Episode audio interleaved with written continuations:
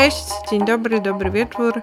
Witamy w nowym odcinku językowych kontrowersji. Z tej strony Marysia i Paweł. Nasze konto zajmuje się popularyzacją językoznawstwa. Pokazujemy, jak to działa od środka, jakie metody są używane, co jest naukowe, co nie, czym się zajmuje taki językoznawca czy językoznawczyni i przedstawiamy też przy okazji różne ciekawostki, które łączą się z tematami przez nas prezentowanymi tak, żeby nie było tak na sucho, często na przykład mówimy o czymś teoretycznie i potem pokazujemy różne słowa, które jakoś wędrowały w jakiś sposób. Czasami też robimy takie eksploracje, które wynikają z naszych osobistych zainteresowań. Też odpowiadamy na pytania i przy okazji różnych pytań, które są zadawane przez osoby obserwujące, pojawiają się też czasami jakieś wpisy, które są z tym powiązane, wyjaśniają pewne kwestie obserwujące i wpisy na Instagramie i na Facebooku, więc jeśli jeszcze nas nie obserwujecie, spójrzcie na jedną lub drugą platformę. Tam staramy się z Wami rozmawiać, prowadzić jakieś dyskusje, zadawać pytania. Ok, w dzisiejszym odcinku będziemy rozmawiać o błędach językowych. Najczęstszych błędach językowych. Może kliknąłeś, kliknęłaś, albo kliknęliście, czy kliknęłyście na ten odcinek, bo chcecie poznać najczęstsze błędy językowe, jakie robią Polacy i Polki. Ale. Ale zastanowimy się nad samym terminem błędy językowe, spojrzymy na to z perspektywy językoznawczej i krytycznej. Zobaczymy skąd się wziął taki termin, błąd językowy, też kultura języka i czy w językoznawstwie w ogóle mówimy o czymś takim.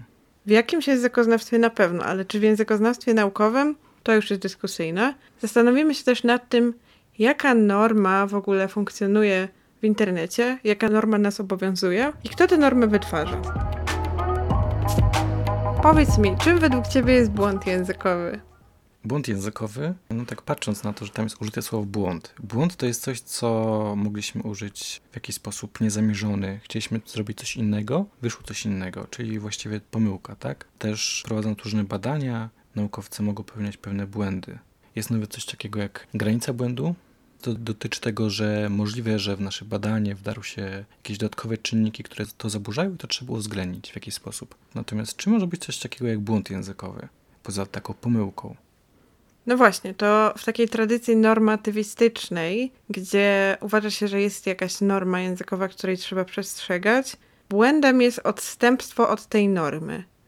To znaczy jakieś użycie języka, które jest właśnie niezgodne z tym, no to właśnie może być albo norma, albo jakiś język standardowy, albo jakiś przyjęty kod, coś takiego.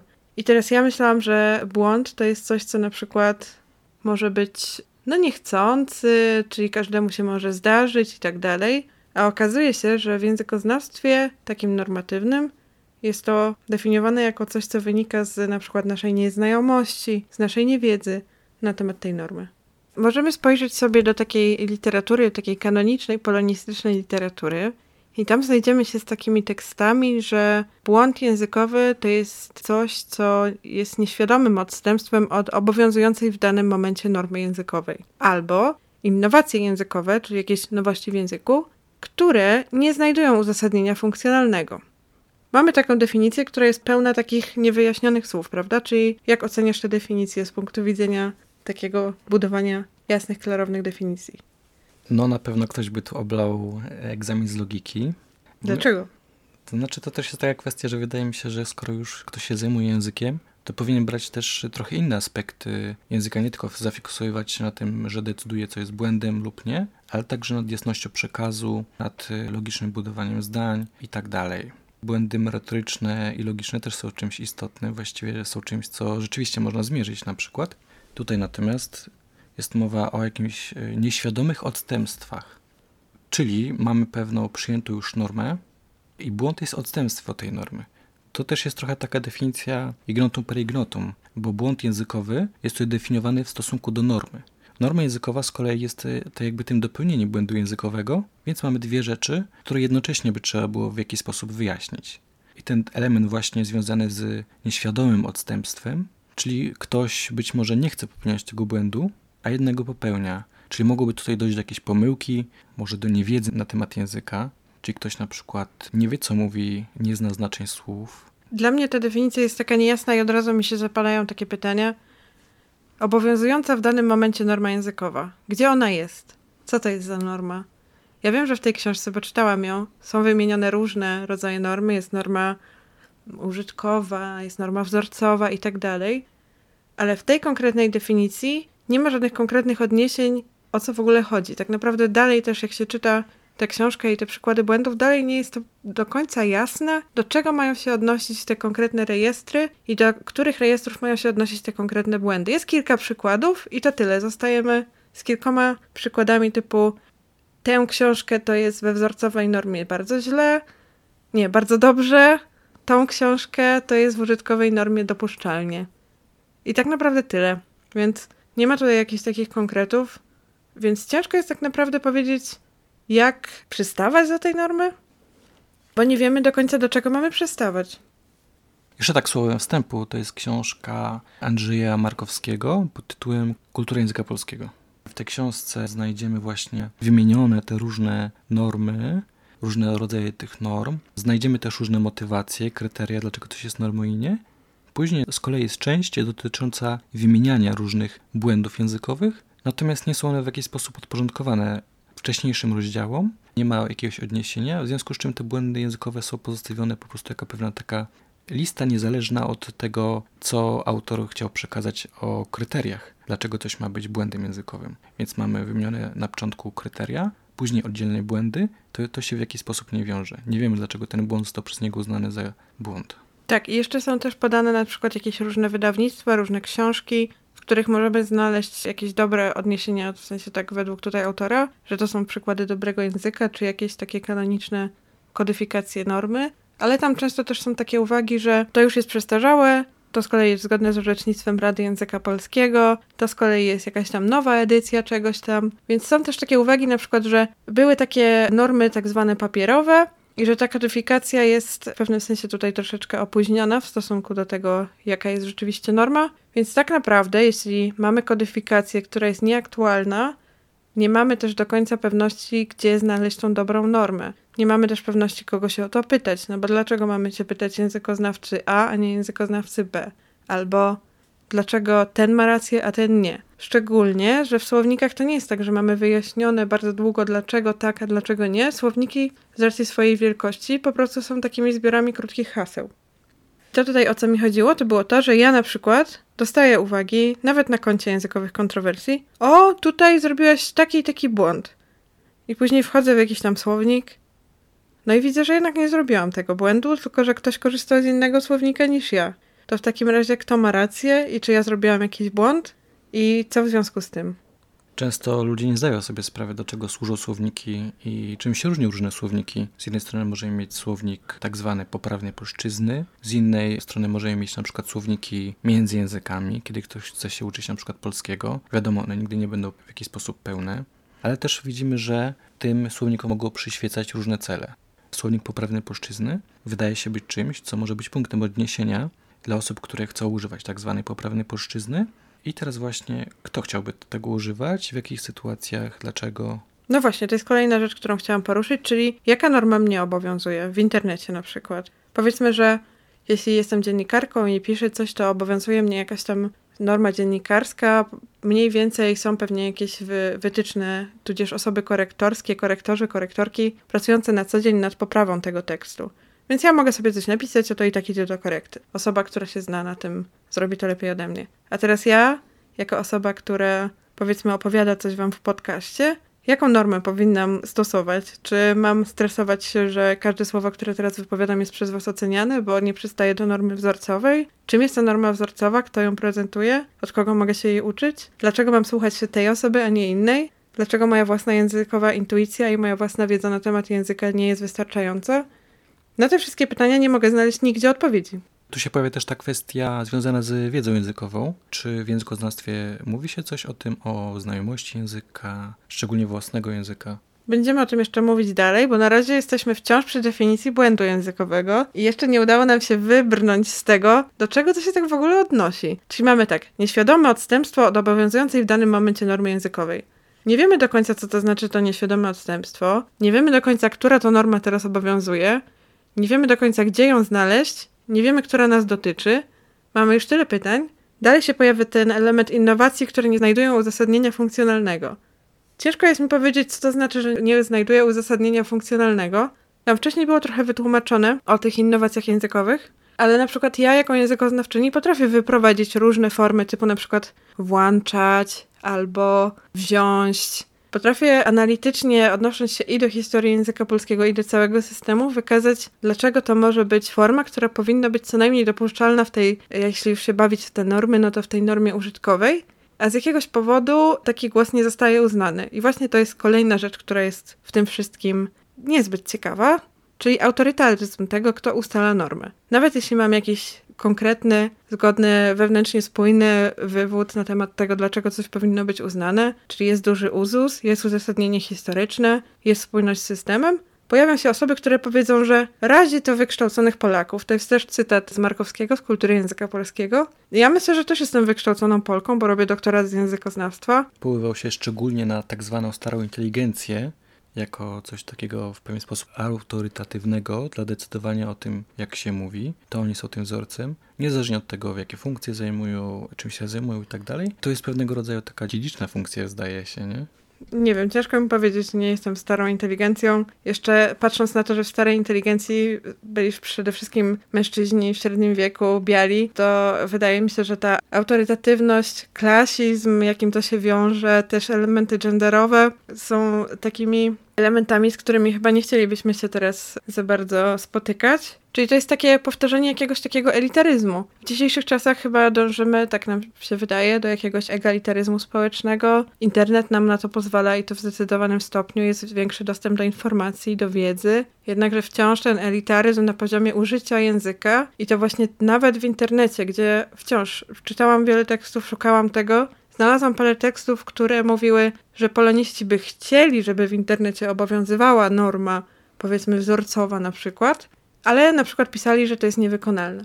Albo zwracali uwagę na to, jest taki tekst Kłosińskiej o neoplemionach, w którym pisze, że w internecie są różne osoby z różnych grup społecznych, więc nie można mówić, że jedna grupa jest lepsza i jej język jest lepszy. W tym tekście Kłosińskiej zaciekawiło mnie to, że powołuje się na Bourdieu. Tymczasem chyba go do końca nie zrozumiała. Też czasami używa jego terminów, nie wyjaśniając. Tak, tam pojawił się taki termin jak habitus, więc osoby, które kojarzą trochę nauki społeczne i Bourdieu i kwestie klasowe, no to jeśli ktoś wczytywał się w Bourdieu, to wiedziałby, że on krytykował generalnie takie podejście, w których jest duża stratyfikacja społeczna, rzeczywiście opisywał różne rodzaje dystynkcji społecznej, które wychodzą właśnie z tego, gdzie się urodzimy. To tak jak wspomniałeś, że w starej inteligencji trzeba się urodzić, czyli jeśli urodzimy się w jakiejś grupie społecznej i dorastamy w jakichś konkretnych kulturowych wzorcach, to później chcemy je powtarzać, żeby odróżniać się od tych innych grup.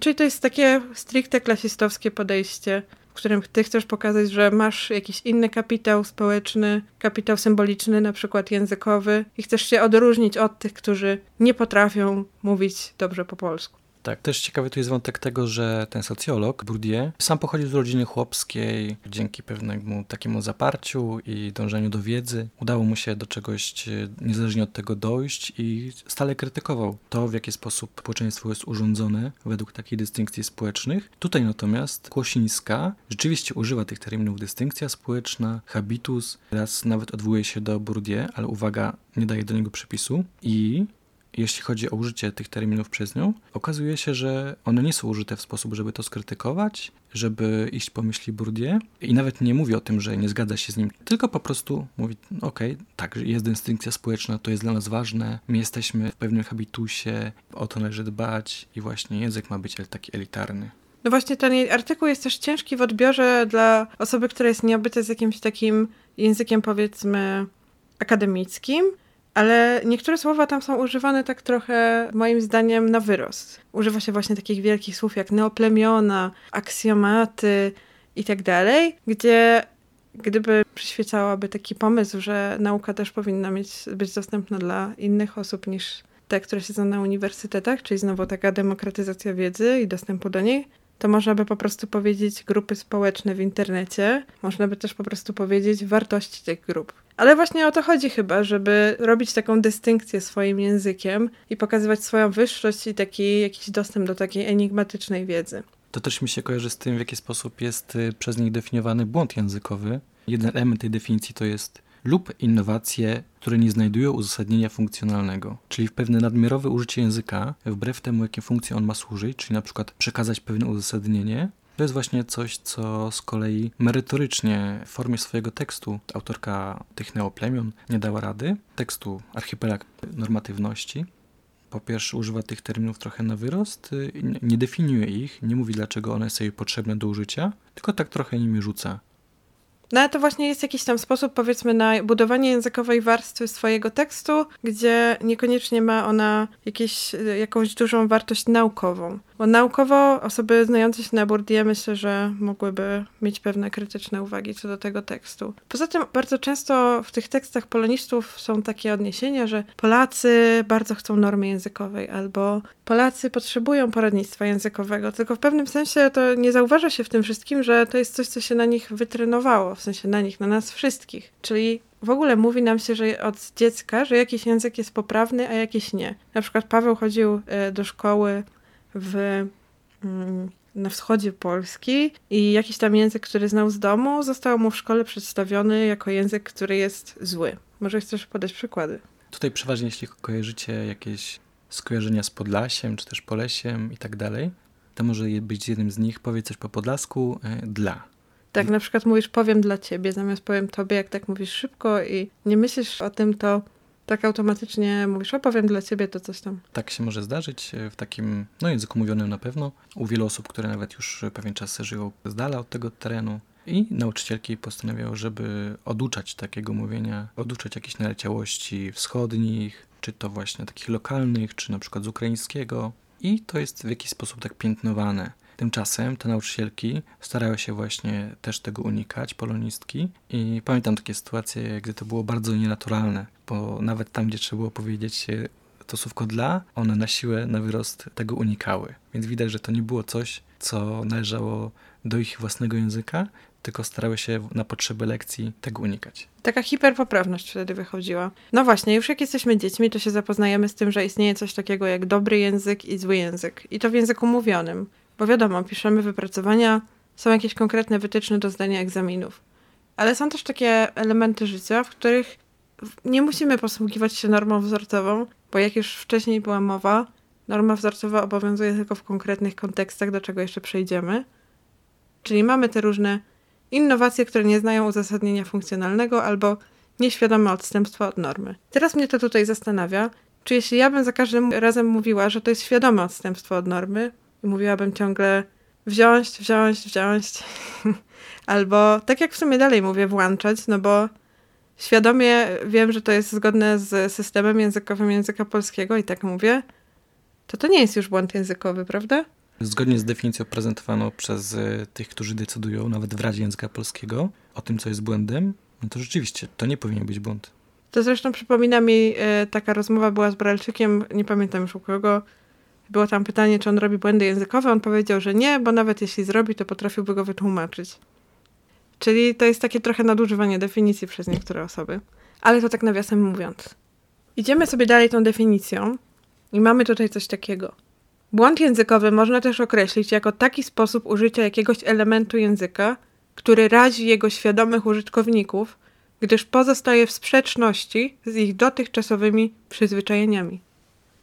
Tutaj mamy takie dwa ważne elementy, na które należy zwrócić uwagę, że błąd razi świadomych użytkowników i błąd pozostaje w sprzeczności z dotychczasowymi przyzwyczajeniami. Więc mamy tutaj pewną świadomość i przyzwyczajenia. To, w jaki sposób to jest ze sobą zestawione, no jest bardzo ciekawe. Przyzwyczajenia są, jak możemy się domyślić, czymś, co tak ze świadomością nie do końca ma coś wspólnego. Oczywiście możemy czasami zastanowić się, coś ćwiczyć, żeby coś było świadomie używane, na przykład, żeby siedzieć prosto. Ale to wtedy wyrabiamy sobie przyzwyczajenie. Natomiast przyzwyczajenie samo w sobie jest czymś, no takim poza świadomością, czymś automatycznym, a świadomość jest czymś właśnie przeciwnym. Więc mając tutaj coś takiego jak błąd, to jest coś, co razi świadomych użytkowników, gdyż pozostaje w sprzeczności z ich dotychczasowymi przyzwyczajeniami, to trochę jest źle zbudowane tak logicznie, jak widzimy. Tak, no właśnie, mamy nieświadome odstępstwo i później mamy przyzwyczajenia, czyli nieświadome podążanie za czymś, tak? Tak. Więc błąd językowy, mówiąc już tak prościej, według tej definicji byłby czymś, czego świadomi użytkownicy unikają, bo jest sprzeczne z ich nieświadomym użyciem języka, nie? Więc można tu się zastanowić, czy to jest sprzeczne z ich świadomym użyciem języka, czy nieświadomym. Więc gdy ktoś wskazuje coś jako błąd, to czy on to robi, bo to się nie zgadza z jego przyzwyczajeniami, czy nieświadomym użyciem języka, no ta definicja jest taka dość mocno zagmatwana i dlatego też ciężko jest mi na przykład się nią posługiwać, bo jak próbowałam się zastanawiać, ktoś tam mi wytknął jakiś błąd i próbowałam tak językoznawczo, analitycznie dojść do tego, a skąd się to wzięło na przykład. I wchodzę tam sobie, przeglądam różne rzeczy, to ciężko mi jest powiedzieć, dlaczego to jest błąd, bo ta definicja błędu jest dla mnie bardzo rozmyta. Czyli po prostu tak najprościej chyba dla nich mówiąc, to byłoby takie nie ma tego w słowniku, to jest błąd. Czy tam nie ma tego w tym manualu językowym, to jest błąd. Tak? Tylko, że to jest tak napisane jakby dziwnie. No i właśnie, mamy tutaj też kwestię tego, że to są nieświadome odstępstwa od obowiązującej normy językowej. Bardzo często, kiedy ja zrobię jakiś błąd, to mówi mi się, że na pewno ja tego nie wiem. Uderza się od razu też w moje kompetencje językoznawczyni. Czyli na przykład byłam kiedyś na takiej grupie, już nie jestem, bo zostałam usunięta stamtąd.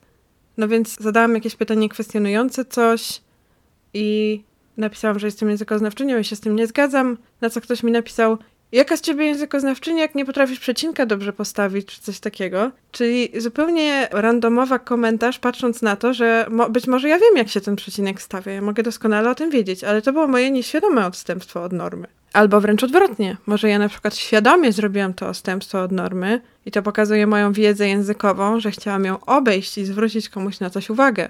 Jednakże taka zwykła, codzienna asumpcja za tym, że zrobi jakiś błąd, to nie jest zastanowienie się, dlaczego go zrobiła, może go zrobiła specjalnie, co to, co ona w ogóle zrobiła, tylko to jest już takie pojechanie po mnie całkowicie, czyli skoro tego przecinka nie postawiłam, to znaczy, że nawet nie jestem językoznawczynią. To jest też zupełne niezrozumienie tego, czym się zajmuje językoznawca, językoznawczyni. To jest przekładanie tego, że językoznawca to powinien znać normy językowe.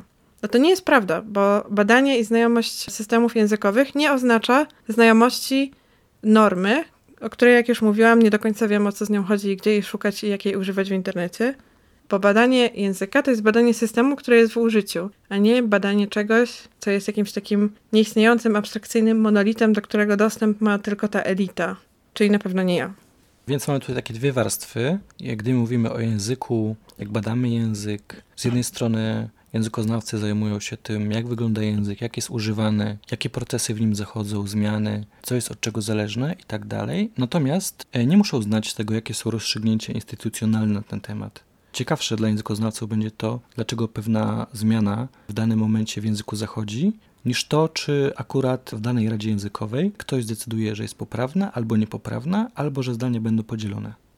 Dokładnie. To jest takie coś, co wynika z takiej anglosaskiej, jak to się mówi, tradycji językoznawczej, która jest już teraz aktualną tradycją językoznawczą uznawaną na całym świecie. Są to standardy badania języka, które zostały wypracowane przez wiele wybitnych nazwisk i głów, również z Polski. Może o nich nie słyszałeście albo nie słyszeliście, bo nie są polonistami. I wynika to z tego, to są takie nazwiska, które możecie znać, na przykład Chomsky.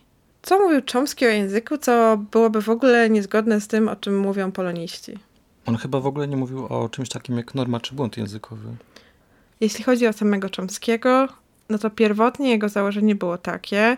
Może damy też tutaj, powiemy też na początku, że Chomsky to jest już oczywiście coś, co było szeroko dyskutowane w językoznawstwie i wiele osób się z nim nie zgadzało. Wiele rzeczy zostało sprawdzonych, że to nie do końca tak działa. Ale jeśli chodzi o samo takie podstawy takiego klasycznego językoznawstwa, to jednak Chomsky bardzo dużo zrobił i bardzo wiele terminów, które on ukuł, wciąż są używane, wciąż są dyskutowane, nawet krytycznie, ale to są rzeczy, które wciąż istnieją w dyskusji językoznawców. Nie wiem, na ile dyskutuje się o tym na polonistyce, bo nie kończyłam polonistyki. Na pewno o Chomskim się gdzieś tam słyszy, ale dla Chomskiego każda osoba zna swój język. Chomsky operował przede wszystkim takim pojęciem universal grammar, które można różnie przetłumaczyć jako gramatyka uniwersalna. I to jest taki system, który każdy człowiek, jak się już urodzi, ma w sobie i dzięki temu jest zdolny nauczyć się jakiegoś języka, rzeczy typu, czy po polsku pies to pies, po angielsku pies to dog. To są już rzeczy wewnątrzjęzykowe, ale sam fakt, że dziecko może się tego nauczyć, niezależnie od języka i niezależnie od języka rozpoznaje ten przedmiot jako to i potrafi używać tego słowa odpowiednio w zdaniu, jest czymś uniwersalnym. Stąd to universal grammar. to dziecko dostaje jakieś informacje, jakieś fragmenty języka, rodzice do niego mówią, to jest samolot, to jest pies, mama, tata i to dziecko potrafi rozpoznać na przykład, jaka to jest część mowy, chociaż nie mówi mu się mama to jest rzeczownik i to jest podmiot w zdaniu. Tylko wszędzie, jeśli oczywiście nie ma jakichś tam problemów na poziomie rozwojowym, to wszędzie te dzieci uczą się tego języka tak samo, albo bardzo podobnie w założeniu Chomskiego i w ten sposób właśnie każdy natywny użytkownik jakiegoś języka jest ekspertem w dziedzinie tego języka, bo nauczył go się dzięki temu, że ma taką wrodzoną cechę, która mu na to pozwala. Tak więc ta uniwersalna gramatyka to jest pewna potencjalność wrodzona, która może być różnie wypełniona podczas nabywania języka, zależnie od tego, w jakim otoczeniu się urodziliśmy, jaki jest język tego otoczenia. No i idąc za tym, co mówił właśnie Chomsky na temat języka, można by patrzeć na język jako coś, co jest bardzo egalitarne w swojej naturze. Skoro wszyscy mamy to, mamy tę zdolność i możliwość i skoro przez wieki było tak, że mogliśmy się komunikować, mogłyśmy się komunikować na różnych przestrzeniach z różnymi ludźmi nie było żadnych rad, żadnych gremiów, żadnych osób, które nam mówiły, że nasz język jest poprawny lub nie, to teraz powstaje taka kuriozalna sytuacja, w której jakiś fakt czyli nasza zdolność, kompetencja językowa, zostaje zanegowany. Z kolei takie rzeczy jak znajomość jakiegoś systemu, który jest wymyślony trochę post factum, no bo norma językowa jest wymyślana na podstawie czegoś, co już było, na przykład na podstawie tego, co ktoś powiedział, na podstawie innych słowników, czyli to, norma językowa jest czymś zewnętrznym od człowieka.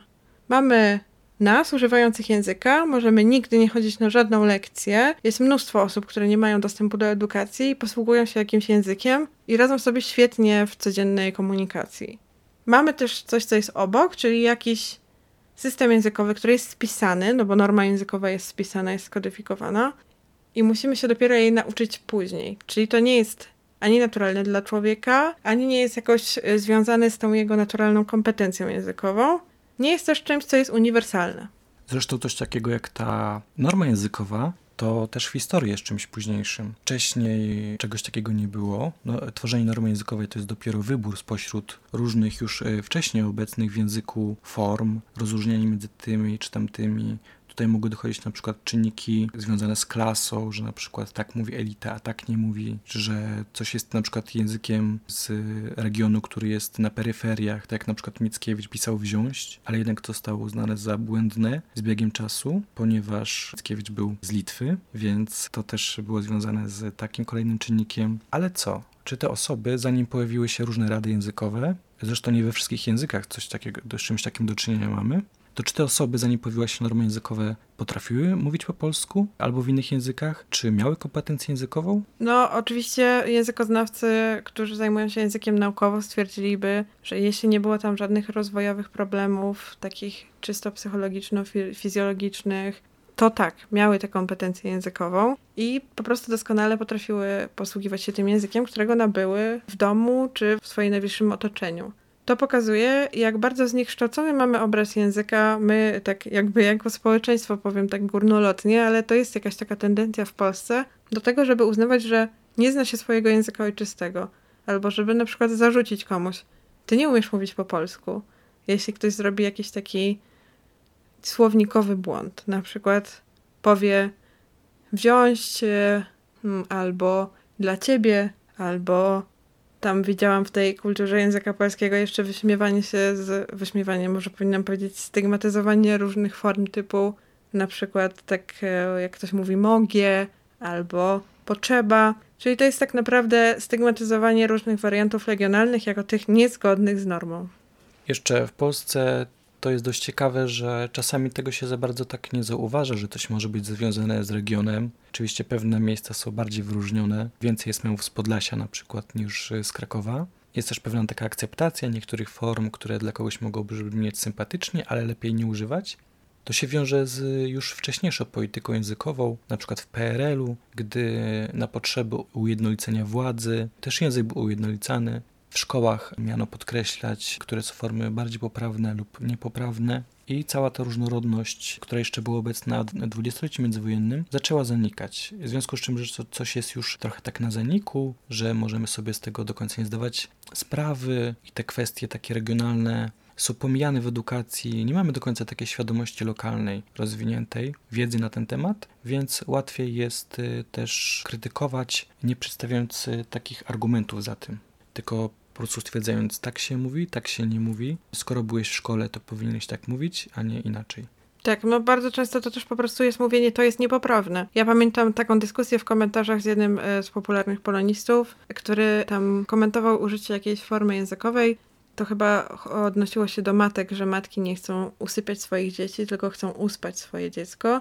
Zapewne chodziło o to, to w ogóle byłaby super ciekawa rzecz do zbadania, gdyby zbadać na przykład jakieś, e, czy to się jakoś koreluje z tym, że słowo usypiać coś, usypiać kogoś kojarzy się bardziej właśnie tak jak zwierzę się usypia, czyli to jest już takie terminalne, a uspać to jest jakiś może psychiczny sposób poradzenia sobie z jakimś oddalenia trochę takiego myślenia na temat tego, że to jest bardzo dość brutalne, coś co można byłoby zrobić. No ale dyskusja nie, nie była na poziomie takiego zastanawiania się, a skąd się w ogóle wzięła taka forma? Tylko dyskusja tam opierała się na temat tego, że to jest niepoprawne, i dosłownie tam było tak napisane. I pamiętam, że weszliśmy w dyskusję, że powiedzenie, że to jest niepoprawne, to jest takie trochę, no bardzo mocne, tak? No bo dlaczego to jest niepoprawne? W związku z czym to jest niepoprawne? Nie było tam odniesienia na przykład, to jest niezgodne z tą normą.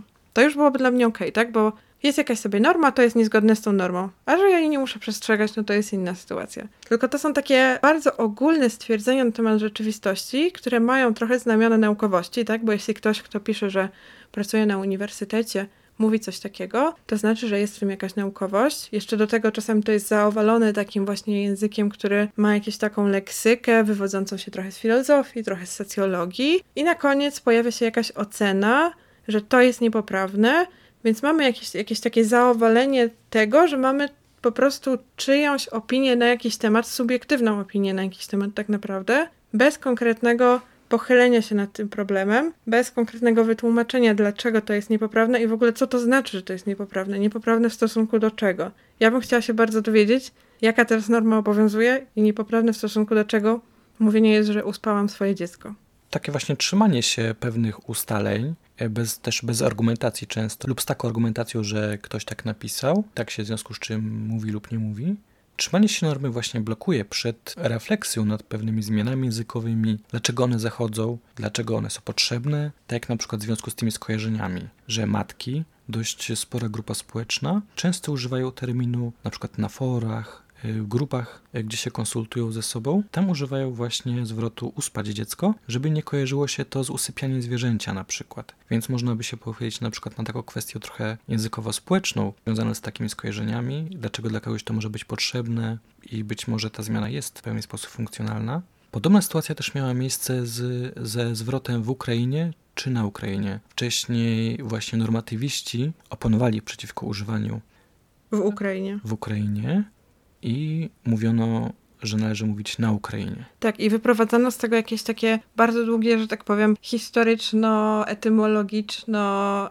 pseudosystemowe wywody, które były być może momentami wewnętrznie spójne bardziej lub mniej, ale nie zauważało się w tym wszystkim tego, że nie wiem, był jakiś performance, były jakieś osoby, dla których ważne było ten jeden gest. I było to też spójne z tym, co się dzieje w języku rosyjskim, więc nie było też takiej analizy ponad jednym językiem, pozostało takie trzymanie się tego, że my musimy polskiego chronić, w polskim tak zawsze było, tu mamy poemat e, tego i tego pisarza i będziemy się trzymać tej naszej formy i tak powiedział autorytet.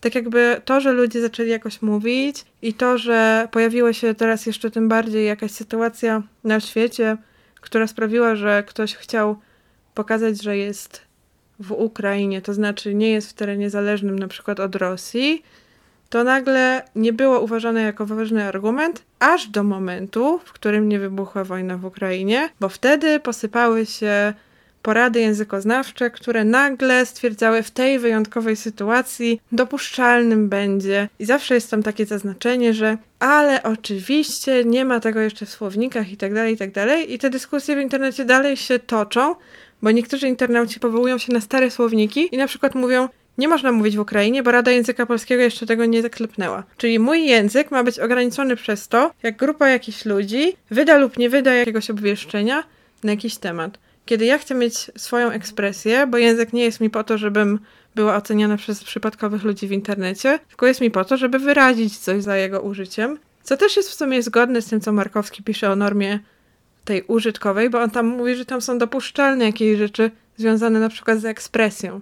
No ale internauci wiedzą lepiej, nie ma tego zastanowienia się nad tym, jaka norma obowiązuje w internecie, więc wszyscy, jak jeden mąż, dopóki tam nie pojawił się jakiś artykuł, że jakaś polonistka, czy tam Miodek, czy Bralczyk pozwalają mówić w Ukrainie, bronili na Ukrainie. Też wracając do tej argumentacji, żeby używać na Ukrainie, tam pojawiały się pewne argumenty związane z mm, wcześniejszym użyciem, z historią, tradycją. Zwłaszcza powoływanie się na tradycję było bardzo częste.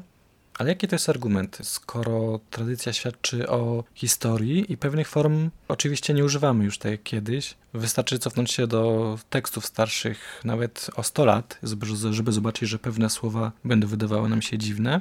Na przykład jeśli chodzi o wymowę, nikt już przecież nie mówi lo, na przykład w jakich słowach ładny albo ratusz arsenal. To jest jakiś przeżytek, który został już tylko w metrze warszawskim. I ciekawe jest to, że ta zmiana językowa była ok, a inne zmiany językowe już nie są ok. Tu zresztą brakuje takiej analogii, że skoro ta zmiana zaszła, to inna, która jest analogiczna, w podobny sposób się rozgrywa, też przecież mogłaby zajść, a jednak, a jednak nie jest dopuszczona. Tu ciekawym przykładem będzie słowo wziąć. Może nie wiecie, ale staropolski miał takie słowo jak idź. Nie było kiedyś słowa iść. To słowo wywodzi się z prasłowiańskiego iti, czyli Później była palatalizacja, ti się spalatalizowało do ci. Jeszcze w niektórych staropolskich tekstach znajdziemy wersję idź, jako bezokolicznik tego, co dziś używamy jako iść. Na podobnej zasadzie powstało wziąć. Tylko z jakiegoś powodu jedna rzecz, czyli iść, została zaakceptowana i nikt nie krzyczy, że tam nie było żadnego si, tam przecież powinno być tylko ci. Z kolei w słowie wziąć, jeśli ktoś zobaczy to słowo gdzieś, to dostaje czerwonej gorączki i zaczyna wyzywać swojego interlokutora od nieuków i tak dalej. Mimo iż patrząc na to tak zupełnie historycznie i jeśli chciałoby się mieć spójny system językowy, na przykład opierający się na historii, to obie formy powinny być uznawane za równoważne, zarówno iść, jak i wziąć. Więc mamy do czynienia z pewnym arbitralnym wyborem, jak mówić, i on się odbywa na, na drodze instytucjonalnej. Argumenty nie są spójne. Wewnątrz samych instytucji często są e, różne kłótnie. Jeśli poczyta się różne odwołania albo różne, powiedzmy, listy pisane do Rady Języka Polskiego przez innych profesorów, to można poczytać o różnych niezłych kłótniach albo o różnych niezgodnościach, bo jak to w każdym gremium bywa, są różne osoby, które uważają różnie. To, czego mi osobiście brakuje w tych wszystkich orzecznictwach, to właśnie takie spójne kryteria i spójne językoznawcze wyjaśnienie, dlaczego tak, a nie inaczej. Obecnie to jest tak, że te kryteria do tego, dotyczące tego, co jest normą, a co nie, są też bardzo rozmyte. Mamy różne kryteria, może teraz im się przyjrzymy. Na przykład takie kryterium jak kryterium estetyczne. Kryterium estetyczne to jest w ogóle ciekawe, że taka kwestia subiektywna jest wynoszona do rangi pewnego kryterium i nie dotyczy to na przykład tekstów literackich, czy piosenek, czy dość konkretnych kontekstów. Więc co te kryterium estetyczne mogłoby oznaczać? Estetyka. No, estetyka mówi e, o tym, co jest ładne, piękne, czyli to, co odbiorcom wydaje się takie lub inne, i też, jeżeli chodzi o estetykę, to współcześnie raczej się mówi o pewnym zróżnicowaniu w odbiorze i nawet sama sztuka odeszła już od y, pojmowania tego tak zupełnie, więc y, trochę to jest dziwne. Tym bardziej właśnie w tym przypadku nie ma czegoś takiego jak estetyka wolna od subiektywności. Podajmy taki banalny przykład. Ja mam na sobie czerwoną bluzkę, osoba koło mnie ma na sobie bluzkę zieloną. Ktoś mi powie, ale piękna bluzka, bo lubi akurat czerwony a ktoś powie: Nie, nie, piękna jest ta druga, bo akurat lubi zielony. W jaki sposób tutaj przyjąć jakieś obiektywne kryteria? Estetyka zawsze opiera się na jakiejś naszym personalnej preferencji. Podobnie tutaj. W kulturze języka polskiego markowskiego możemy poczytać o jakichś pięknych dźwiękach, o jakiejś pięknej artykulacji, z kolei dla mnie na przykład, jeśli ktoś mówi bardzo wolno i ma taką artykulację poprawną, to mnie to męczy. Ja się wtedy nie skupiam na tym, co ktoś ma do przekazania i wolę, jeśli ktoś mówi naturalnie albo jeśli ktoś y, mówi autentycznie. Dla mnie to jest estetyczne. Ale oczywiście nie narzucam nikomu tego i w związku z tym uważam, że często te kryteria estetyczne są oparte na takich również bardzo, bardzo mglistych przesłankach. Jeszcze jedna rzecz, która jest uznawana za nieestetyczne, to oczywiście rzeczy gwarowe i dialektalne. Na przykład taka palatalizacja półgłosek tylnojęzykowych typu GG przez Markowskiego uznawana jest jako coś, co jest nieestetyczne. Nie wiem, moja babcia tak mówi, czyli miałabym powiedzieć, że mówi nieestetycznie. No, no można spróbować swoim dziadkom i tak dalej coś takiego zasugerować. To myślę, że nie spełniałoby tego kryterium grzeczności językowej, że nie powinno się zwracać na coś takiego uwagi. No, ale w internecie widzę, że jednak te osoby nie kierują się grzecznością, tylko tym przekazem normatywnym. No dobra, ale też właśnie to jest kryterium estetyczne, które jest dość subiektywne, więc czyja to jest estetyka, czyje to jest uznanie czegoś za ładne lub brzydkie. W przypadku na przykład tych kwestii gwarowych czy regionalnych mamy do czynienia z czymś takim, że one są często uznawane, jeżeli zbyt odbiegają od czegoś, co jest powszechnie używane, przez osoby z danego kręgu wykształconych osób w, nie wiem, w wyróżnionej prowincji, to wówczas są przyjmowane jako takie negatywne, odrzucane jako nienormatywne, piętnowane nawet. Jednakże, czyj to jest wybór? Dlaczego one są uznawane za brzydsze czy ładniejsze, jak pisze Markowski?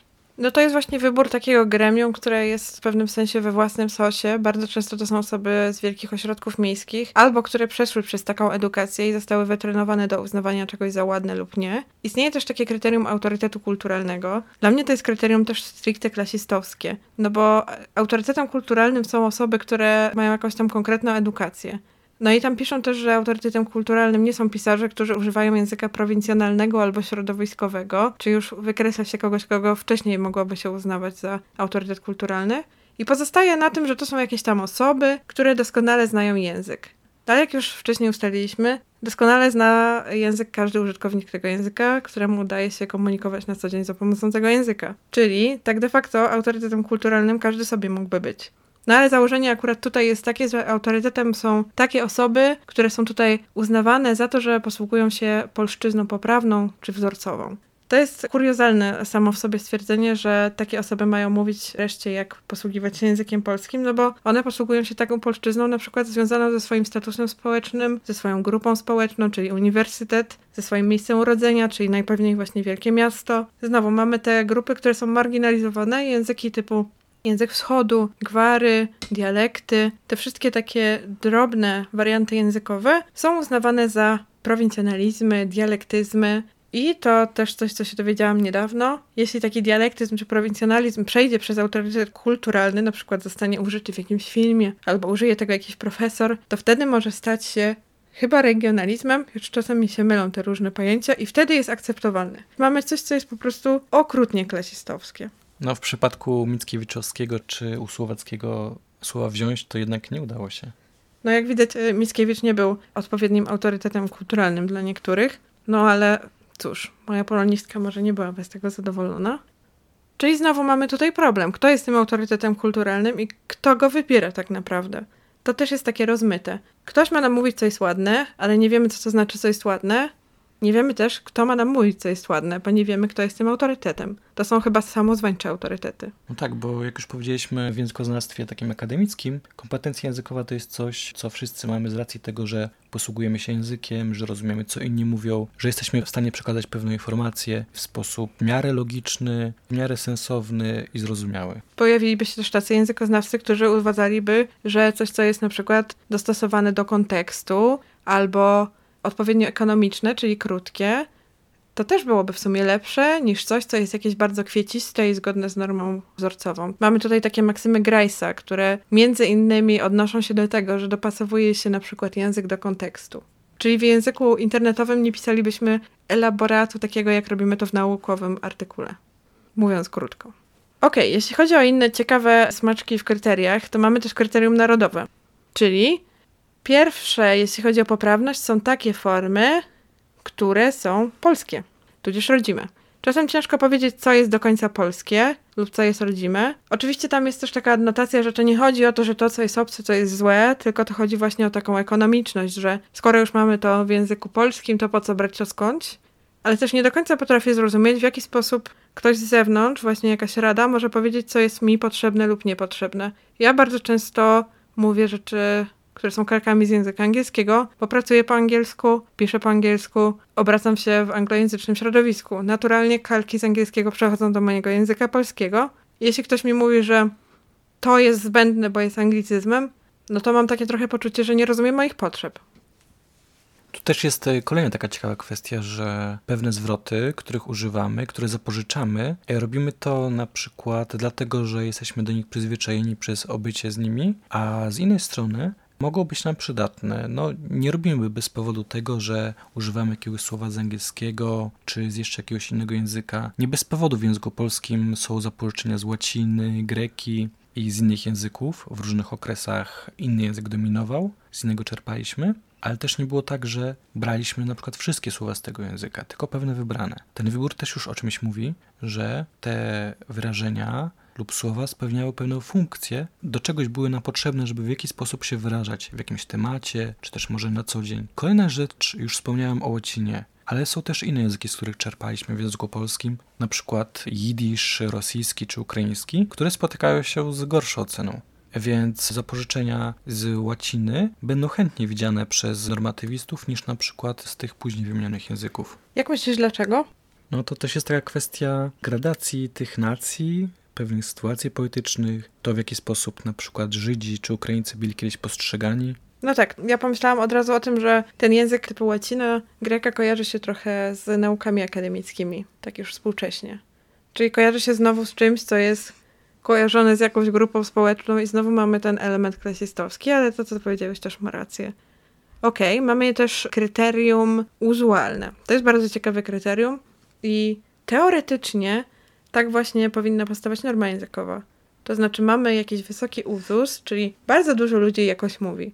Bardzo dużo ludzi używa jakiegoś słowa, a później ono ląduje na liście najczęstszych błędów językowych.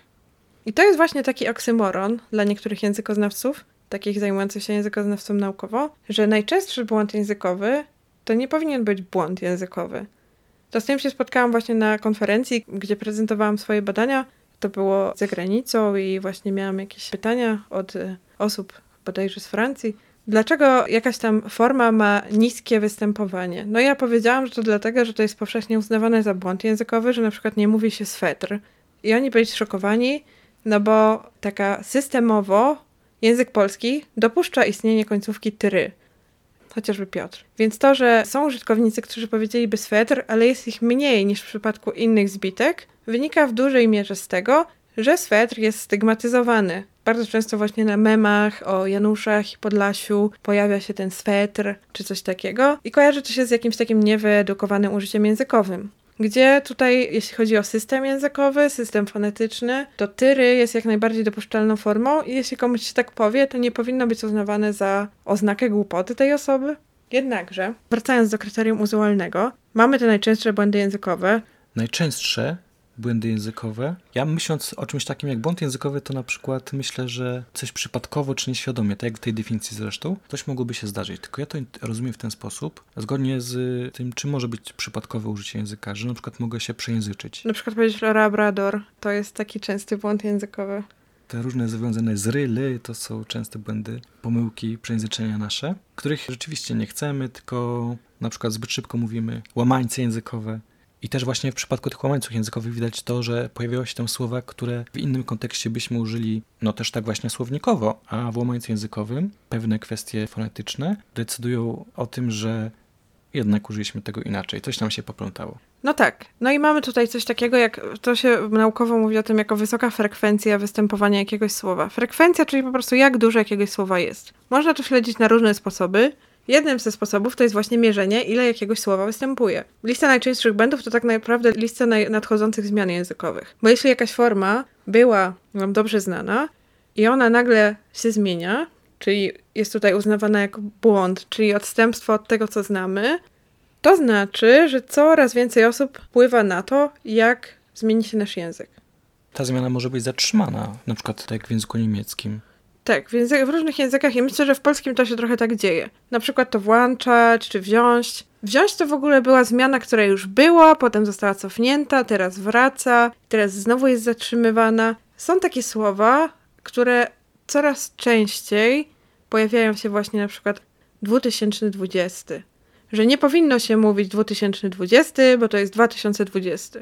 No ale dalej naprawdę gro osób na co dzień, czy w pracy, czy w sklepie, czy gdziekolwiek. Moja prywatna obserwacja jest, że tak mówi. Moja nieprywatna obserwacja jest taka, że pojawia się to w listach najczęstszych błędów. Czyli to pokazuje, że ten pierwszy człon też jest przez ludzi masowo uzgadniany. Że ludzie czują jakąś potrzebę uzgadniania tego 2000. Może przez to, że był najpierw 2000 i potem wyszedł 2001 i ludziom tak przeskoczyło, a nie 2001. Nie wiem, bo tak naprawdę nikt tego nie zbadał. Jedyne co zostało zrobione to powiedzenie, że to straszny błąd i tak nie wolno. Jeśli językowa norma byłaby budowana na zasadzie patrzenia na uzus, to ta forma 2000 byłaby zaakceptowana też na przykład przez tę normę użytkową. Bo wiadomo, że rzadko kiedy piszemy datę tak długo, ale powiedzmy, nie wiem, jeśli my sobie rozmawiamy i któryś z nas powie coś takiego, to nie powinno być tak, że o, nie znacie się na języku polskim.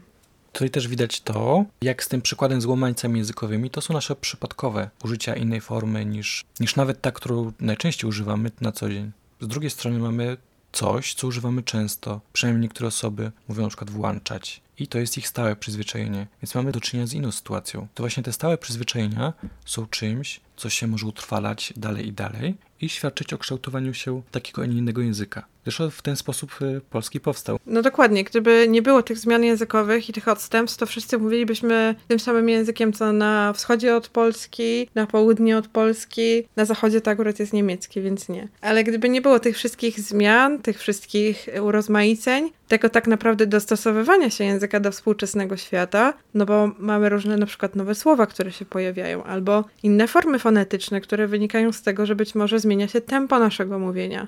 To są tak ciekawe kwestie, które warto byłoby zbadać, gdyby nie to, że jeśli robi się na przykład badanie fonetyczne, to ciężko jest nagrać kogoś, kto mówi tak, jak mówi na co dzień. Ludzie od razu boją się oceny, dlatego stosuje się takich zabiegów, jak na przykład wymyśla się słowa, które nie istnieją i daje się je do przeczytania albo powtórzenia, zależnie od tego, co się chce zbadać, żeby zobaczyć, jak na przykład zadziała jakaś zbitka samogłosek albo jakiś akcent. Więc e, dopiero wtedy sprawdzamy, jak działa system językowy, jakie procesy fonetyczne w nim zachodzą, jakie są możliwości. Pojawia się czasem taki argument, że norma jest potrzebna po to, żeby utrzymać właśnie ten język polski we współczesnym świecie. Ale prawda jest taka, że język polski, tak samo jak język angielski, jak mnóstwo języków na świecie, utrzymują się dzięki temu, że mają użytkowników.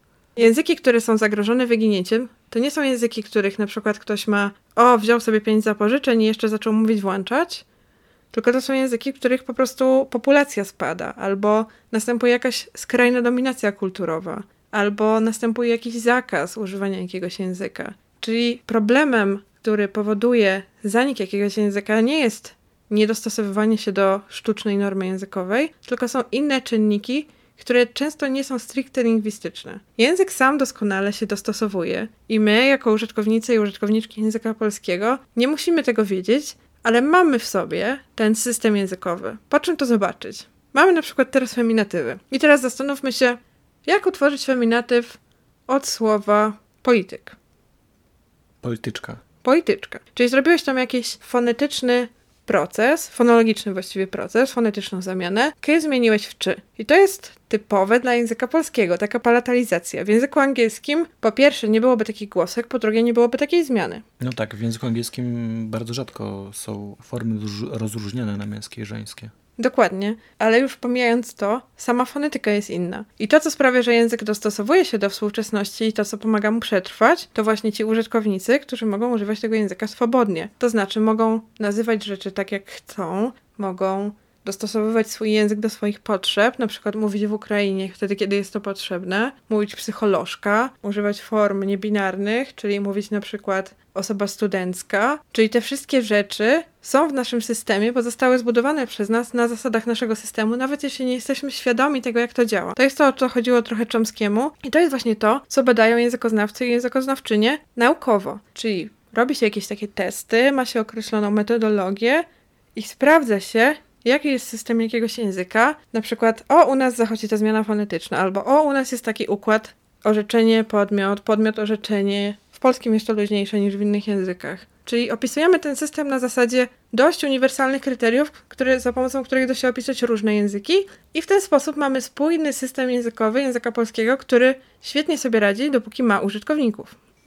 Też jeśli chodzi o ten szyk w zdaniu w języku polskim, to tak standardowo na przykład dzieci uczymy, żeby mówiły pies wziął kość. albo wilk powiedział sarnie coś tam w bajce. Ale może się też zdarzyć tak, że powiedział wilk, że coś tam. Widzimy tu już trochę inny szyk. Na przykład w takiej bajce, gdzie będzie jakaś fraza, której użył tej wilk, a następnie będzie powiedział wilk. Ale takich przypadków, gdzie szyk może być taki lub taki, znajdziemy zdecydowanie więcej i warto na przykład zbadać, w jakich kontekstach użyjemy tak lub inaczej, czy to jest w jakiś sposób jednolite, czyli różne takie kwestie, różnice w użyciu języka między różnymi jednostkami lub grupami używającymi tego samego języka są bardzo ciekawe dla językoznawców. Dokładnie, no i to wszystko się samo trzymało, zanim pojawiły się słowniki, zanim była piśmienność, bo języki były z nami, zanim pojawiło się pismo. Dalej są osoby, które są niepiśmienne i używają bardzo różnych języków na różnym stopniu zaawansowania. Także jeśli o to chodzi, jakaś tam norma skodyfikowana zewnętrzna tak naprawdę nie ma zbyt dużego znaczenia, jeśli chodzi o przetrwanie języka.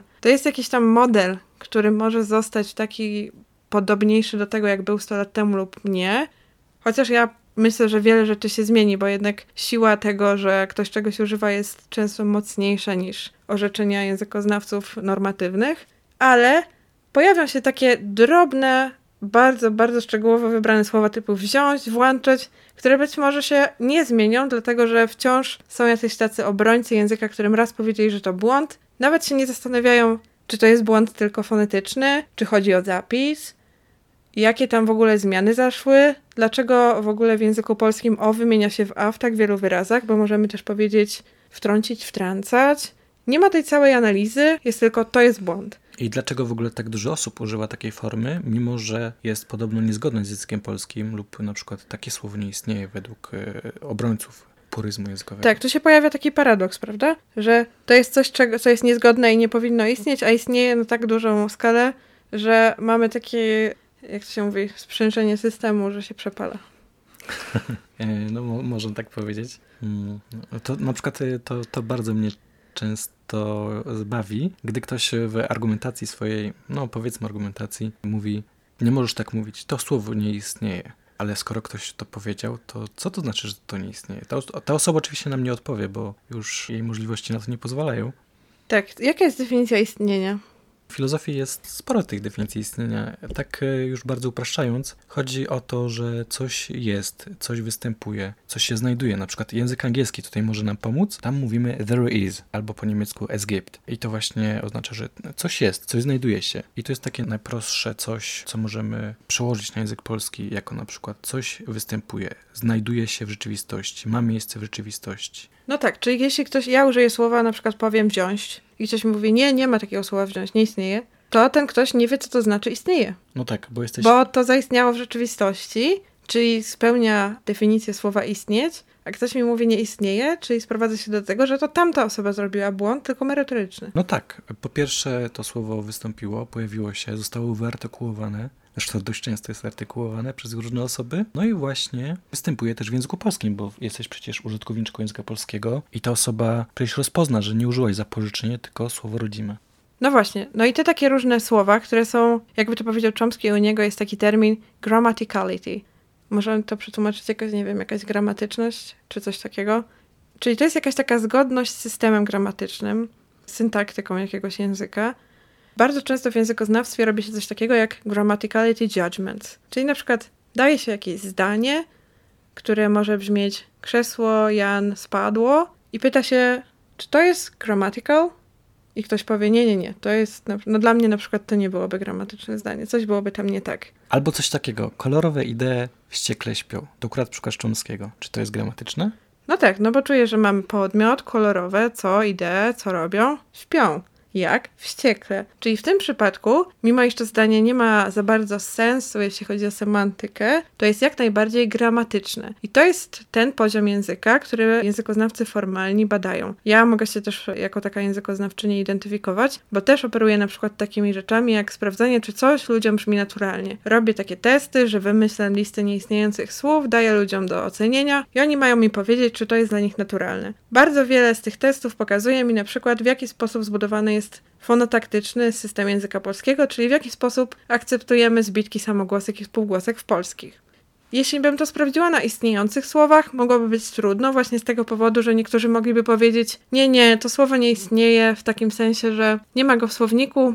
jest tu jakiś błąd. Ale ja im od razu mówię, nie przejmujcie się, co te słowa znaczą, albo wyobraźcie sobie, że to są nazwy firm, które dopiero wejdą do Polski i jak byście je wymówili. W ten sposób można zbudować taką sytuację, gdzie ktoś nie kieruje się tą poprawnością, sztuczną poprawnością językową, tylko naturalnie reaguje na jakieś słowa. Też możemy zauważyć, że w używaniu języka nie do końca chodzi o tą właśnie gramatyczność różnie rozumianą. Zresztą trochę się odstępuje od e, czegoś takiego chyba, że się nie do końca mówi o tej gramatyczności. Też pojawiło się to nowe pojęcie jak akceptowalność, które poloniści chcą przerobić na Akceptabilność. Akceptabilność, żeby zachować e, to swoją akceptowalność e, wyznaczoną przez Radę Językową. Tymczasem akceptowalność to u Chomskiego jest to, że mimo, że możemy coś powiedzieć nie do końca gramatycznie, czyli nie do końca zgodnie z regułami, według których układamy większość swoich zdań, to jednak będzie to stale zrozumiałe i będzie to spełniało takie same funkcje, więc będziemy w dużo lepszej sytuacji niż mówiąc wście e, wściekły idee śpią czy coś takiego, bo powiemy coś, co jest sensowne, co przekazuje to, co mają przekazać, spełnia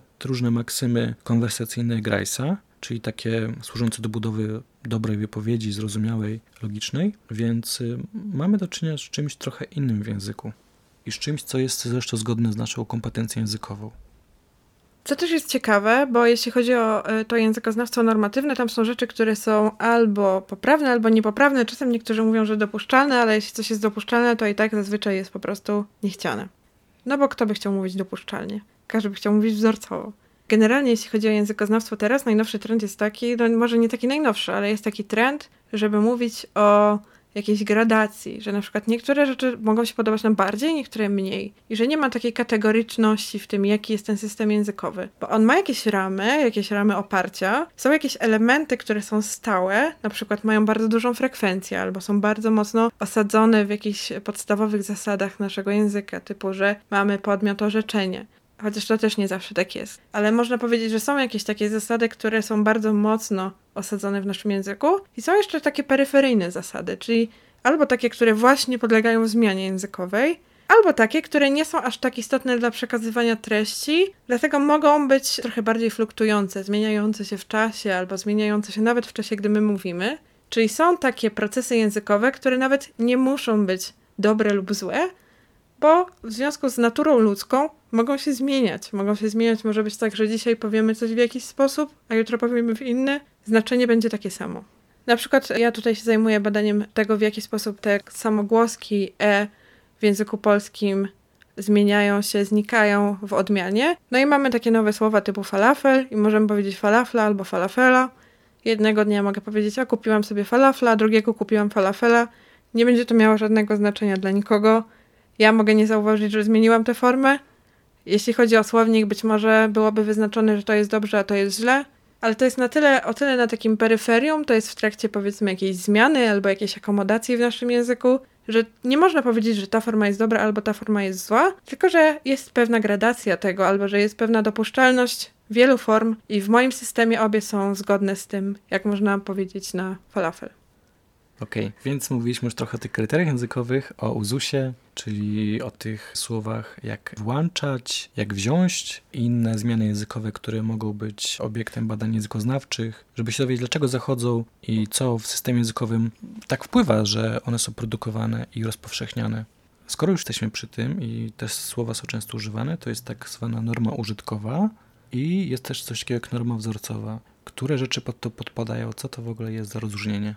No właśnie tu też są różne dyskusje. Na przykład na stronie Rady Języka Polskiego jest taka dyskusja na temat tego, gdzie obowiązuje norma wzorcowa i kogo. To jest taki artykuł też profesora Markowskiego, który odnosi się do tego, na przykład, czy norma wzorcowa powinna obowiązywać szerzej niż tylko powiedzmy w książkach, w wydawnictwach. No bo tam mamy rzeszę osób, która czyta te teksty kilkakrotnie, zanim zostaną opublikowane. No i teraz, jeśli chcemy, żeby osiągnąć podobny efekt na co dzień, to jest tak naprawdę niemożliwe. No bo musielibyśmy na przykład my na Instagramie mieć jeszcze korektorów i tak dalej. W rezultacie nic byśmy nie opublikowali, bo ani nie mamy na to środków, ani nie mamy do tego cierpliwości. Tak samo teraz. Gdybyśmy się przejmowali, czy mówimy dobrze, zgodnie z normą wzorcową, najpierw musielibyśmy się dowiedzieć w ogóle, co to za norma i gdzie ona jest i gdzie ona obowiązuje. Z drugiej strony, gdyby było tak, że ludzie są w stanie opanować taką normę wzorcową, mówić tak jak chcą normatywiści, to po co nam korektorzy? No tak, wtedy nie byliby potrzebni. Pozdrawiamy wszystkich korektorów i korektorki, które nas słuchają i słucha, słuchają i słuchały wcześniej. Ale wracając, no właśnie, my się nie zastanawiamy do końca, jak to mówimy. Ostatnio mieliśmy też gościa i pojawił się w komentarzach taki zarzut, że a co to za językoznawca, co nie wie, że nie mówi się w cudzysłowiu. No i to e, od razu mi się krew zagotowała, że to jest po prostu zupełne niezrozumienie tego, czym się zajmuje językoznawca. Nasz gość, Szymon Misiek, zajmuje się badaniem języka osób niebinarnych, innymi za pomocą analizy tekstów tłumaczonych, przekładów, jak i za pomocą różnych ankiet, badań ilościowych, też jakościowych. I w ten sposób dowiaduje się na temat tego, jak jakaś grupa używa jakiegoś języka. Jest językoznawcą, który doskonale zna różne aspekty języka polskiego i języka angielskiego. Mimo to, w związku z tym, że w czasie rozmowy, która była bardzo luźną rozmową między nami, bo nie siedzieliśmy pod garniturami, nie było na nas kamer ani całej Rady Języka Polskiego, tylko siedzieliśmy sobie razem w gorący dzień, jedliśmy truskawki i gadaliśmy na temat osób niebinarnych, zdarzyło mu się powiedzieć coś takiego, co pojawia się bardzo często, bo też jest na liście jednym z najczęstszych błędów i ja też tak często mówię, bo nie myślę o tym, kiedy mam coś ważnego do przekazania, chcę to przekazać. Nie myślę, czy to jest zgodne z jakąś tam normą? Jakiej normy ja teraz używam? Wtedy nic bym nie powiedziała. No ale ktoś stwierdził, że w związku z tym ten człowiek nie ma jakichś kompetencji. To jest pewien błąd ekstrapolacji. Osoba, która skomentowała, założyła, że inteligencja jakiejś osoby i kompetencja, powiedzmy, naukowa jakiejś osoby równa się to, jak użyło słowo cudzysłów, jak się odmieniło to słowo. Następuje tutaj pewna znowu kuriozalna sytuacja, w której lepiej nic nie mówić, bo wtedy nikt nas nie skrytykuje, niż mówić coś swobodnie i wypowiadać się na jakiś temat merytorycznie. Jest ciekawy taki pis blogowy, akurat filozofki Joanny Heinderek, w którym ona się odnosi do takiej sytuacji osób, które poprawiają ciągle Joanna Heinderek jest osobą ze dysleksją, więc szczególnie ten problem dotyczy. Często się nasłucha takiej nieżyczliwej krytyki, nawet od osób, które no, już zdają sobie sprawę, że ma dysleksję. I to może jakiś fragment przeczytamy z tego. To jest na jej blogu Heinderek Joanna WordPress.com. To się nazywa Naprawiacze. Na forach, w mediach społecznościowych, pełno rycerzy ortografii. Niektórzy tak walczą o czystość języka, że nawet nie czytają tego, co się pisze. Nieważna jest treść, ważne, żeby było poprawnie. Nieważny problem, ważne, że są błędy. Dla naprawiaczy ważniejszy jest U z kreską niż prawa kobiet, łamanie demokracji czy prawa zwierząt. Norma i tradycja, zasady, stałe i niezmienne to świat w naszej głowie. Mam wrażenie, że naprawiacze świata, święci, obrońcy dobrego słowa, tradycji, właściwej wymowy, odpowiedniego stroju i obyczaju, wypierają świat dookoła nich. Na szczęście dla nas świat się zmienia i nie czeka, że go poprawią. Widzimy więc tutaj takie coś, że osoby nawet mogą w swoim odbiorze nie zwracać uwagi na treść, tylko skupić się na tej formie i pomijać to, co ktoś chce wyrazić. No to jest pewien sposób dyskryminacji, tak? Bo nie dajemy głosu osobom, które uznajemy, że nie osiągnęły jakiegoś symbolicznego statusu językowego, prawda? No bo przecież doskonale rozumiemy, jeśli ktoś napisze mówię przez uzwykłe, to wiemy, że chodzi o mówienie. I możemy puścić to mimo oczu, tak naprawdę, jeśli to widzimy. Ale bardzo często, tak jak w naszym przypadku, gdzie mamy jakiś tam wpis, który jest transkrypcją z rozmowy, i jest nawet napisane, że konwencja jest rozmowy, jest zaznaczone, że to transkrypcja, mimo to osoby stwierdziły, że osoba przepisująca pewnie nie wiedziała, że coś tam, coś tam. Wiedziała, tylko stwierdziła, że ma być to fragment rozmowy, a nie idealny, redagowany tekst przez jeszcze z rzeszą korektorów, o czym bardzo zresztą często mówimy, że jest nas tutaj dwoje, robimy treści, które mają być przede wszystkim merytoryczne, a błędy językowe, które popełniamy, bo zdarza nam się też robić literówki. Ja często wrzucam story, jak jestem zmęczona, albo jadę autobusem i świeci mi słońce w oczy, ale akurat mam jakiś pomysł i chcę coś wrzucić bo przyświeca mi bardziej to, że przekażę coś, niż że będzie to idealne, bo gdyby to miało być idealne, to zapewne bałabym się tak bardzo, że nigdy bym nic nie zrobiła.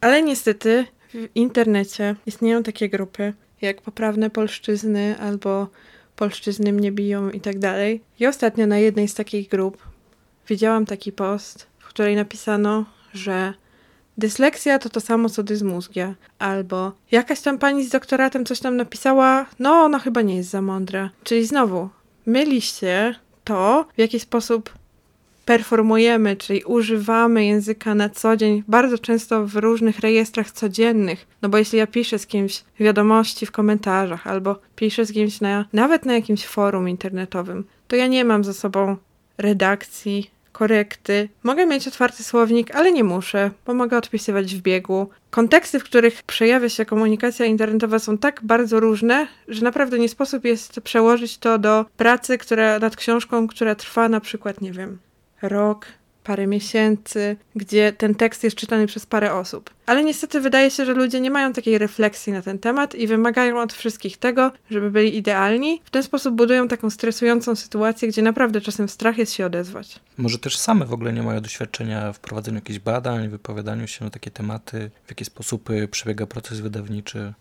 A jeszcze jest inna taka kwestia związana z tym, że podczas rozmowy odbiorca mógłby nie zauważyć, że tam ktoś powiedział, czy w cudzysłowie, czy w cudzysłowiu, ale jak już jest tekst pisany, to wtedy łatwiej to chwycić. W trakcie edukacji jesteśmy przyzwyczajeni do czegoś takiego jak dyktanda, z poprawnej pisowni i tak dalej. Niekoniecznie coś, na co zwracamy uwagę w, w piśmie, to jest coś, co w naturalnym takim mówieniu byśmy zauważyli, więc jednak w trakcie mówienia nic dziwnego nie spostrzegamy, ale ktoś z nas twierdza, jak już ma pismo, że ktoś coś źle powiedział.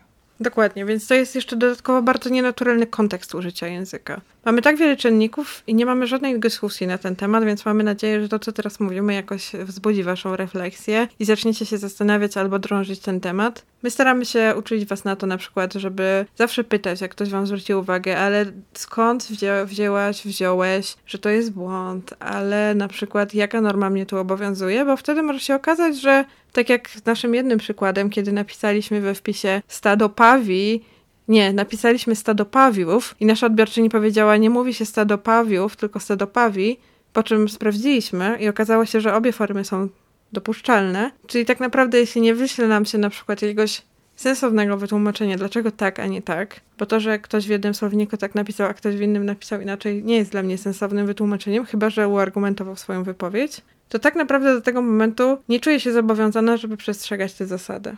Tak generalnie, dlaczego czuć się zobowiązany przestrzegać no. zasady w trakcie mówienia? Trzeba raczej postawić na merytorykę, tylko swobodę wypowiedzi. No tak, ale takie też były pierwotne w ogóle założenia normy językowej. Jeśli spojrzy się na takie normy językowe, które były tam ustalane około 1918 roku, kiedy ustalała się ortografia, powszechna edukacja, to wtedy w samych zapisach e, Akademii Umiejętności, która ustalała wtedy tam te normy językowe, czy tam pierwsze wytyczne dotyczące tego, jak w urzędach i w szkołach ma się nauczać języka polskiego, na przykład jak używać zapisów samogłosek, spółgłosek itd., tak itd., tak bo to też się zmieniało w czasie, jeśli chodzi o alfabet, to oni tam mieli takie założenie, że spójny ma być zapis i to sam Łoś pisał jeszcze w swoich traktatach. Spójny ma być zapis. Jeśli chodzi o wymowę, może ona się różnić, bo wymowa wtedy w języku polskim regionalnie różniła się znacznie bardziej niż teraz. Później to zostało jakoś wszystko przeinaczone, pozmieniane, bo jeden chciał tak, drugi chciał inaczej, i w tym momencie mamy tak, że bardzo często nie wiadomo, na jakim poziomie mamy operować i w jaki sposób mamy się wypowiadać. Tak więc to tworzenie normy służyło, przynajmniej dla niektórych z tych polonistów w międzywojniu, temu, żeby to miało na przykład zastosowanie w administracji, żeby to było spójne jakieś pismo urzędowe i inne tego typu rzeczy. I ma to sens, bo gdybym ja pisała na przykład podanie, to sprawdziłabym, jaki jest wzór podania, jakiego słownictwa się używa. I uważam, że to jest całkiem spoko, żeby wymyślać normy prawne, żeby dawać jakiś model, z którego dzieci się uczą, ale żeby też pokazywać, że język to nie jest tylko ta norma, że język to jest to, co każdy z nas zna i czego każdy z nas potrafi używać. Tak samo zresztą w nauce uzgadniamy różne terminy, które jak stosować, jaki jest ich zakres, dlatego że to jest funkcjonalne i pozwala nam w tym kontekście, w tej dziedzinie, na prowadzenie spójnej rozmowy, która prowadzi do jakichś wniosków, do spójnych badań, do możliwości zastosowania metodologii. A co ciekawe, też zauważyłem, że czasami, gdy ktoś użyje jakiegoś terminu ze swojej dziedziny w codziennej mowie, to czasami może się okazać, że to jest trochę niezgodne z tym, jak mówią na przykład poloniści. Na przykład filozof powie coś o miłości platońskiej, jak to było opisane u Platona, a później się zderzy z tym, że ktoś poprawia, nie, nie, miłość platoniczna to jest taka bez seksu, taka czysto duchowa. Nie o to chodziło Platonowi, to był taki trochę błąd interpretacyjny według mnie, no ale właśnie dlaczego mielibyśmy narzucać znawcom, że mogą pewnych terminów używać w sposób zgodny z ich rejestrem? No właśnie poloniści próbują nam to narzucać i może powiemy, że nie mamy nic do wszystkich polonistów, tylko to jest często tak, że na przykład w samej kulturze języka polskiego jest napisane, że znawcy języka polskiego to są po polonistyce. To też jest dość krzywdzące. Ja na przykład nie jestem po polonistyce, a robię teraz doktorat z języka polskiego i uważam, że znam się na języku polskim całkiem dobrze, jeśli chodzi o system językowy. Mogę powiedzieć, że nie znam się zbyt dobrze na normie i że nie do końca mnie ona interesuje. Bardziej interesuje mnie to, w jaki sposób norma może wpływać na moje wyniki badań, więc coś tam muszę o niej wiedzieć. Ale tak naprawdę to nie jest tak, że jak ktoś nie skończył polonistyki, to nie zna języka polskiego. To w ogóle też może Was zastanawiać lub nie, no bo mówimy Wam teraz, żeby jakieś oczywistości, które dla Was istnieją, zacząć kwestionować i to może być dla niektórych szokujące. Ale tak jak wcześniej zdarzyło nam się wspomnieć, to nie jest tak, że od zawsze istniały te wszystkie rady i że ten język zawsze miał być tak wyglądać, a nie inaczej, i że zawsze były jakieś gremia, które coś ustalały, bo jeszcze właśnie przed zjednoczeniem państwa polskiego, to było tak, że ludzie tam mieli jakieś swoje warianty, które przecież przetrwały zabory. Jakoś to wszystko się utrzymywało, z czegoś ten polski został unormowany. Chociaż nawet zanim był unormowany, to i tak ludzie się dogadywali między sobą w tych różnych zaborach, jeśli komunikowali się już na przykład po zjednoczeniu państwa. No i teraz, Skąd w ogóle się wziął ten pomysł na to, że ma być jakiś jeden poprawny polski i jedna norma i ma być jakaś kultura języka, strzeżenie tej normy i tak dalej? Ja bym tu się skupił na tym terminie kultura języka polskiego. Skąd to się wzięło? Wiele osób to może zaskoczyć, że ten termin wraz z całą taką ideologią kultury języka wywodzi się ze Związku Radzieckiego. Tak, to wtedy właśnie w tamtych czasach pojawił się taki pomysł, że język powinien być kontrolowany i organizowany na zasadzie instytucjonalnej, że ma być jakaś grupa, która będzie mówić, jak poprawnie się mówi. Powstała wtedy Akademia Języka Rosyjskiego i podobne podejście do języka zrodziło się też w Niemczech. W Niemczech oczywiście możemy doszukiwać się jeszcze wcześniejszych kwestii związanych z normatywnością językową, też na przykład w XIX wieku lub w państwie pruskim, w edukacji pruskiej i tak dalej. Ale jeżeli już chodzi o taki termin pokrewny tej kulturze języka polskiego, to mamy takie słowo jak Sprachpflege, czyli dbałość o język, dosłownie. Swoją karierę zaczyna w 1952 roku w NRD, w NRD, w którym były silne wpływy właśnie radzieckie i dlatego też administracja oraz językoznawcy zaczęli właśnie wykładać język zgodnie z czymś takim, z taką ideą. Tak, więc to były zaczątki, które wynikały z jednej strony właśnie z takiego strachu przed tym, że no, historyczny kontekst polski wszystkim jest znany. Strachu tego, że język polski zaniknie, zostanie zupełnie zajęty przez inne języki. Z drugiej strony pojawiły się takie pomysły, że można autorytarnie narzucać komuś, w jaki sposób należy mówić. Jeszcze z innej strony było właśnie podejście komunistyczne, które zrównywało wszystkich obywateli do jednego, więc każdy miał mówić tak samo i nie wyróżniać się. Różnice regionalne były podkreślane przede wszystkim na jakichś festiwalach folklorystycznych, ale nie na co dzień. Dbałość o język, czyli kultura języka, to coś, co często w polskich wydawnictwach tłumaczone też jest jako praca nad językiem i jest z drugiej strony pokazywane jako odwrotność lenistwa językowego. Czyli z jednej strony tam są kryteria ekonomiczności, są te zasady, maksymy, przystawalności do kontekstu, z drugiej strony nie możemy być zbyt leniwi. Tych różnych założeń na temat tego, jak mamy mówić, jest bardzo dużo, a bardzo mało jest takich wyjaśnień i jasnych odniesień. W związku z tym, tak jak mówiliśmy od samego początku, bardzo ciężko jest nam powiedzieć, czym jest ten błąd językowy. Czym jest ten najczęstszy błąd językowy? Dlaczego to jest błąd językowy? Dalszym ciągu czekamy na to, aż może niektóre rzeczy zostaną wyprowadzone w taki sposób, żeby przestały być wewnętrznie sprzeczne, to znaczy na przykład te różne kryteria, różne definicje. Na pewno łatwiej byłoby do tego wtedy przystawać. Z drugiej strony, jako badaczka, chciałabym, żeby takie podejście do języka trochę się zmieniło. Żebyśmy zaczęli rozumieć, że język to jest coś bardzo ludzkiego i bardzo związanego z człowiekiem. W pewnym sensie wynika też przecież z naszej biologii, z tego, jak jesteśmy zbudowani, z naszej fizycznej budowy. I nie do końca przystaje do tego, czym jest ta zewnętrzna norma, którą narzuca nam się i mówi nam się, że to jest ta dobra, bo ten pan, który jest wykształcony i bogaty, tak mówi. Wolałabym, żeby to było widziane jako bardziej egalitarna rzecz, którą każdy z nas zna doskonale i którą każdy z nas może studiować w taki sposób, jak podpowiada mu ciekawość. Z kolei, jeśli chodzi o tą tradycję anglosaską, to tam takie podejście jak w Polsce jest, e, no, pojawia się taki termin jak grammar nacji. Na pewno słyszeliście to w internecie, ale to raczej tak na memach i w śmiechach. Bo generalnie słowniki, na przykład języka angielskiego, te największe słowniki z roku na rok się aktualizują, uznają różne konteksty użycia, nie mają też takiego autorytatywnego podejścia. Na przykład są dwa słowniki, które ze sobą konkurują i wtedy to jest tak, że ktoś może wybrać ten słownik albo wybrać ten słownik. Więc jest taki większy luz, jeśli chodzi o podejście do tego, czym jest poprawne mówienie. Poprawne mówienie jest raczej dostosowaniem się do rejestru, czyli na przykład jeśli piszemy pismo do urzędu, to piszemy je urzędowo. Jeśli rozmawiamy na co dzień, to rozmawiamy tak jak teraz. Z kolei jeśli chodzi o język internetu, to nie ma jakichś takich wytycznych, które starają się poloniści narzucić u nas. Istnieje tam z kolei taka dziedzina, to jest bardziej dziedzina socjolingwistyki, jak badanie językoznawstwa ludowego. To jest badanie takiego ogółu potocznych poglądów na temat języka. I te potoczne poglądy wynikają właśnie bardzo często z tego normatywizmu. Czyli takie stwierdzenie, że coś jest błędem językowym, coś jest złe językowo, coś jest dobre. To są właśnie takie elementy tego językoznawstwa ludowego, które w swojej naturze jest preskryptywne, nieobiektywne, czyli nie jest naukowe tak naprawdę. A dlaczego się to nazywa językoznawstwo ludowe?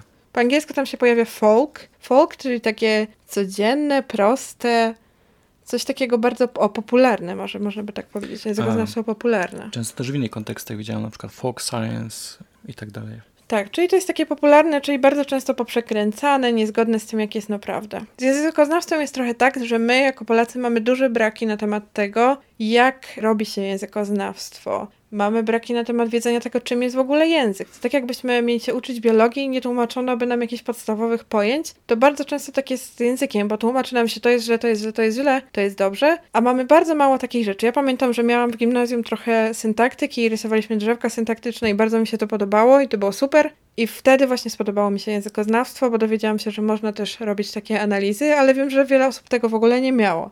Więc bardzo wiele osób nie potrafi nawet zrobić takiej prostej, syntaktycznej analizy językoznawczej. No właśnie, czyli mamy takie podejście do języka, które związane jest też z charakterem polskiej edukacji na języku polskim, która jest trochę też nacechowana taką edukacją pruską, gonieniem za kluczem do matury, zamiast pewną refleksją czy szkoleniem warsztatu językowego. Być może ktoś by mógł zostać, nie wiem, literatem, ale ważniejsze jest to, żeby wbić się w pewien klucz Mam nadzieję, że się będzie od tego trochę odchodziło na rzecz bardziej swobodnej ekspresji i rozmowania. Natomiast to, co właśnie z tego wynika, to jest to, że takie podejście trochę blokuje. Trochę też zamyka przed ludźmi możliwość zainteresowania się językoznawstwem. Niektóre osoby nie mają okazji zapoznać się z tym, jak działa językoznawstwo, co chcemy trochę naprawić. I z tego też powodu pewni polscy językoznawcy są znani raczej za granicą niż w Polsce.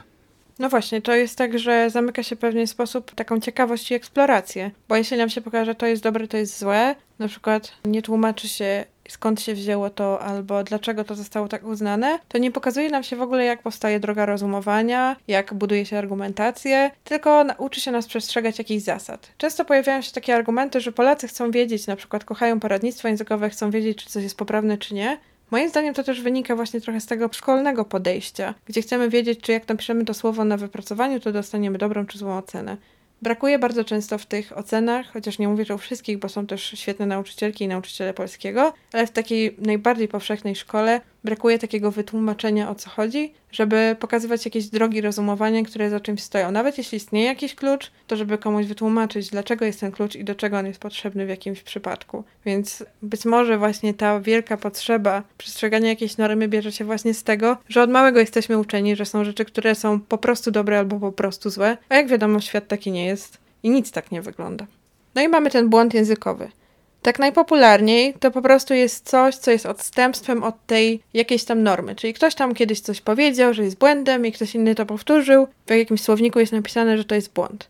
No i teraz pojawia się to jako najczęstszy błąd językowy. Mamy jakieś statystyki, powiedzmy kilka tysięcy wystąpień pokazane na jakichś wykresach, że to pojawiło się częściej niż dwa lata temu i jeszcze częściej niż trzy lata temu. Czyli mamy tendencję wzrostową tego błędu.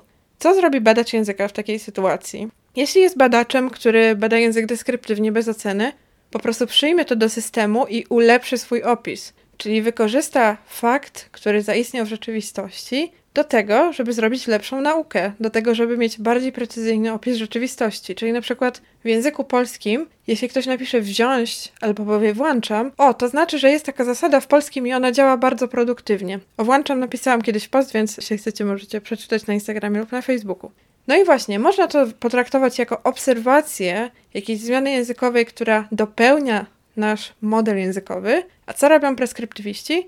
Preskryptywiści odrzucają to i mówią, że tego nie chcą, nie chcą na to patrzeć. Teraz wyobraźcie sobie, że mamy na przykład jakiegoś fizyka albo biologa, który ma jakiś model, który bada, chce się dowiedzieć czegoś o jakimś procesie, na przykład fizycznym. Nagle przychodzi informacja, która jest niespójna z poprzednim systemem, ale pomaga opisać rzeczywistość lepiej.